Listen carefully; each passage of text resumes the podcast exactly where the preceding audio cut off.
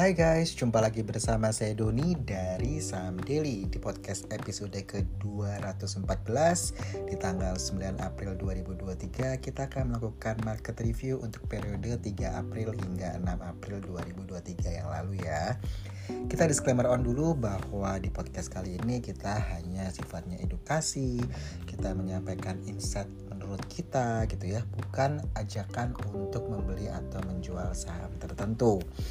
Kita lihat di tanggal 3 April hingga 6 April 2023 itu ISG minus 0,18% di level high-nya di 6867.337 sedangkan di level low-nya di 6832.730 ditutup di tanggal 6 April 2023 di posisi 6792.765 jadi masih di kisaran 67 hingga 68 ya kalau kita lihat ISG-nya secara sektoral kita lihat bahwa uh, yang mengalami kenaikan adalah sektor energi itu plus 0,32 persen, finance plus 0,27 persen, properti plus 0,02 persen. Peringkat keempat ada sektor industri minus 0,19 persen, lalu consumer cycle itu minus 0,35 persen, infrastruktur minus 0,78 persen, 0,76 eh, persen ya minusnya sorry lalu untuk sektor transportasi dan logistik dia minus 0,90 persen. Basic industri dia minus 2,32 persen.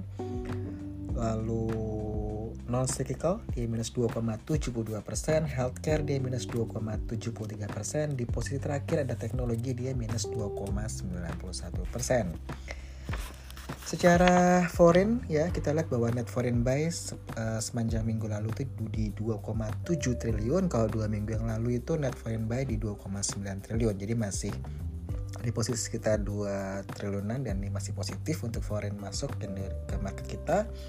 Sedangkan secara uh, value transaksi nah value transaksi ini kita pakai selalu regular market ya. Tapi kalau mungkin ditambah sama nego market uh, market nego bisa beda lagi gitu ya. Cuman yang selama ini kita pakai di podcast kita adalah yang regular market ya. Di tanggal 3 3 April 2023 itu 7,6 triliun, lalu tanggal 4 April di 7,6 triliun, di tanggal 5 April 2023 di posisi 7,7 triliun, sedangkan di tanggal 6 April 2023 di posisi 8 triliun. Kalau kita average itu di 7,7 triliun. Dua, dua minggu yang lalu itu di posisi 8,4 triliun. Jadi sebenarnya lebih turun lagi ya dia punya average transaksi untuk regular market. Uh, kalau teman-teman lihat uh, di market nego itu tanggal 6 April itu sampai 13,7 triliun ya. Itu ada transaksinya Inco kalau kita nggak salah ya. Terus untuk uh, sentimen nah sentimen ini kan kalau kita lihat sudah sangat mendekati THR-an gitu ya. Jadi bulan Ramadan ini mungkin nanti tanggal 19 sudah tutup kayak bursa uh, untuk libur uh, hari raya. Jadi mungkin sisa 7 hari trading lagi ya.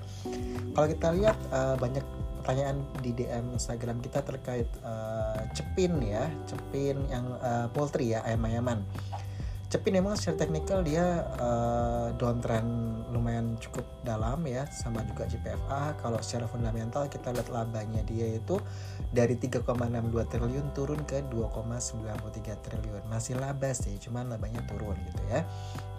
Sama halnya dengan Java JPFA dia dari 2,02 triliun turun hingga satu uh, turun menjadi 1,42 triliun untuk ayam-ayaman ini yang main ya uh, eh, MIN itu juga dari 60,4 miliar turun ke 26,2 miliar labanya. Jadi memang eh, rata-rata uh, sih poultry memang uh, sudah dua tahun nih kayaknya selama bulan Ramadan tidak mengalami kenaikan untuk harga sahamnya.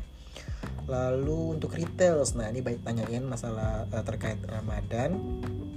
Secara kinerja kita lihat untuk Alfamart uh, kinerjanya bagus ya. Dari 1,92 triliun naik ke 2,85 triliun. Lalu MAPI juga dari 420 miliar naik ke 2,11 triliun. MAPA itu dari 251 miliar ke 1,17 triliun. Uh, eh, LPPF dia juga naik dari 913 miliar ke 1,38 triliun untuk era era dari 1,01 triliun stagnan di 1,01 triliun juga S1R dia mengalami uh, penyesuaian sedikit ya dari 691 miliar ke 664 miliar sedangkan mall yang uh, segmen ke bawah yaitu Rals uh, ini perbelanjaan ya. Uh, RALS ini dia dari 166 miliar uh, naik ke 352 miliar. RALS berarti sama LPPF tadi ya. Uh, dia punya pusat perbelanjaan ya. RALS sama LPPF. Lalu apa lagi ya? Hmm, retail uh, MAPB dari minus 13,4 M jadi 146 M lalu Hero yang awalnya minus 963 miliar jadi 59,1 M positif ya ya itu yang retail sudah oh oke okay, lupa ini. Yang belum nih update komoditas ya. Oke. Okay. kita mesti lihat uh, rekap harga komoditas kita. Kalau dua minggu lalu kan gold ya sama oil kalau kali ini kita lihat sama oil masih naik 6% lalu coal ya Newcastle naik 5% CPO naik 3% gold naik 2% yang mengalami minus itu terdalam nikel ya minus 5% ini kita bandingkan sama posisi 31 Maret 2023 ya. Uh, ada timah minus 3%, koper minus 3%, amonia minus 3% itu yang uh, kita lihat. Yang terparah sih minusnya nikel ya. Sedangkan yang mengalami penguatan yaitu oil, uh, coal, CPO, gold. Itu yang kalau dari segi uh, komoditas dan memang untuk sentimen kita rasa masih belum ada sentimen apa pun selain THR ya. Jadi mungkin tadi yang sempat kita uh, sebutin secara kinerja labanya. Nah itu teman-teman cek lagi teknikalnya seperti apa volumenya seperti apa gitu ya. Jadi uh, mandirilah dilakukan ya. Do your own research ya seperti itu. Oke? Okay? kalau teman-teman ada masuk akan buat kita atau saran buat kita bisa langsung DM ke Saham Daily uh, di Instagram kita ya atau mau uh, bahas topik-topik apa nanti kita akan bahas di uh, podcast kita baik di Spotify, Noise maupun di uh, Apple Podcast seperti itu. Jadi kita terbuka untuk masukan dari teman-teman semua dan terima kasih atas supportnya selama ini. Saya Doni dari Saham Daily out.